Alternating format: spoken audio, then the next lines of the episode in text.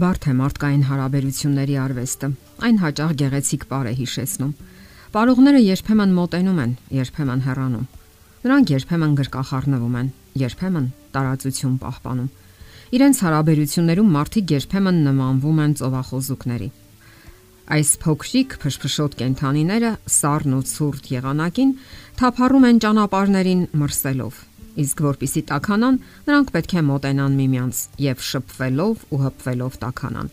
Սակայն բավական է մոտենան եւ իրենց սուրբ հրշերը սկսում են ծակծկել ու վիրավորել միմյանց։ Իսկ այդ ծակոցները բավականին ցավոտ են եւ նրանք ստիպված են նորից հեռանալ իրարից։ Ահա այսպիսին են նաեւ մարդկային հարաբերությունները։ Մարդիկ մոտենում են միմյանց, փորձում ջերմանալ հարաբերություններով, սակայն մի պահի սկսում են վիրավորել ու խոցել ապա հեռանում են եւ այսպես շարունակ։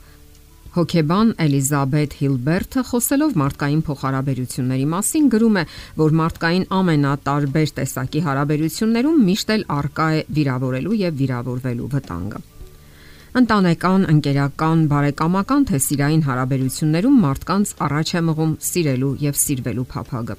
Սակայն քանի որ նրանք հմուտ չեն հարաբերությունների արվեստում, մեկ մոտենում են, մեկ հեռանում եւ այդպես շարունակ։ Մարդը սոցիալական էակ է եւ բնականաբար երկար չի կարող միայնության մեջ մնալ։ Ահա թե ինչու, չնայած ստացած հարվածներին, նա շարունակում է իր փորձերը մոտենալու եւ ջերմ հարաբերություններ ստեղծելու այնտեղ, որտեղ դա միայն հնարավոր է։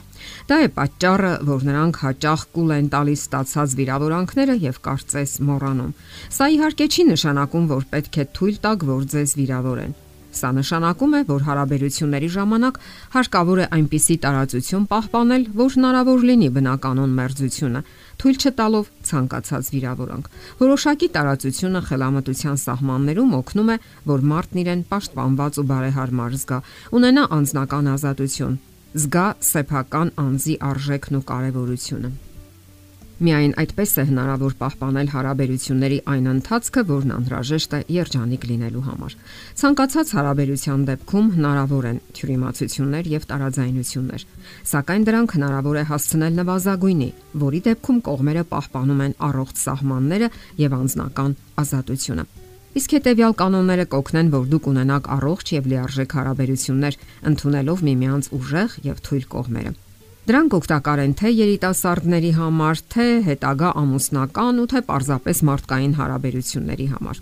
Միշտ պետք է հիշել, դիմասինը ձեզ նման անznավորություն է, որ որոնում է ջերմություն եւ պաշտպանվածություն, սեր եւ ապահովություն, հուսալիություն եւ մարդկային ընկերակցություն։ Ուրեմն,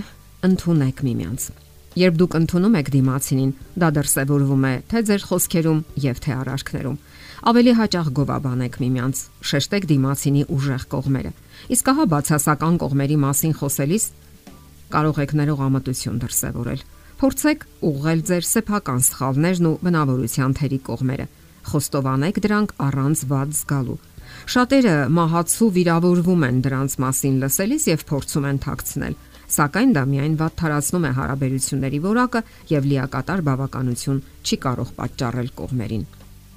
Հարկավոր է հարաբերությունների մեջ հնարավորինս թեթևություն պահպանել։ Ավելորդ լարվածությունն առաջանում է այն ժամանակ, երբ փորձում են խոսել ուժի դիրքերից եւ ճնշել դիմացինին, երբ փորձում են ապացուցել սեփական եսի գերազանցությունը։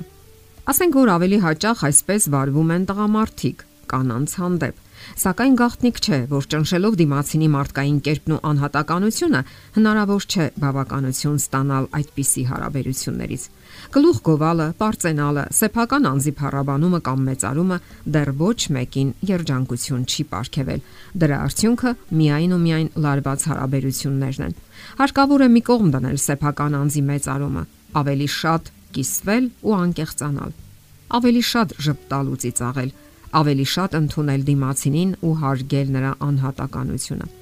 Հոկեբան Մարիլենդը գրում է. Ես եւ ամուսինս ավելի ու ավելի շատ ենք ծիծաղում։ Մենք չենք կարող երկար ժամանակ ընկճված վիճակում մնալ, որովհետև մեզանից մեկն անպայման այնպիսի բան կասի կամ կանի, որ կբարձրացնի մեր երկուսի տրամադրությունը։ Լինում են իհարկե լուրջ ծանրակշիռ զրույցներ, սակայն այն զույգերը, ովքեր ձգտում են ճափազանց լուրջ չվերաբերվել կյանքին եւ ավելի հաճախ ժպտալ ու ծիծաղել, ավելի թեթևորեն եւ ավելի առողջ ու երջանիկ հարաբերություններ են հաստատում։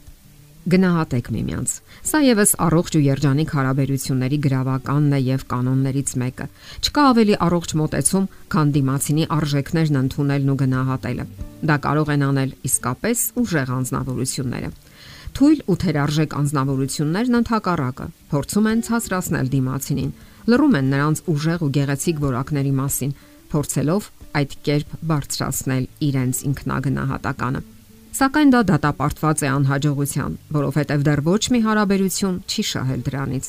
Երբ դիմացինին ողքեվորելու փոխարեն նվաստացնում եք կամ վիրավորում, արդյոք դա ուրախություն կամ բավականություն է պատճառում։ Հազիվ թե։ Ընտանեկան խորհրդատու եւ հոգեբույժ Ահարոն Անդերսոնը գրում է.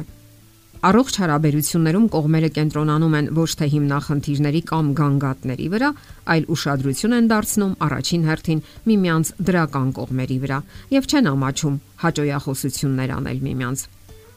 Վարվելով այս կանոններին համապատասխան, դուք երբեք դիմացինից պաշտպանվելու կարիք չեք ունենա։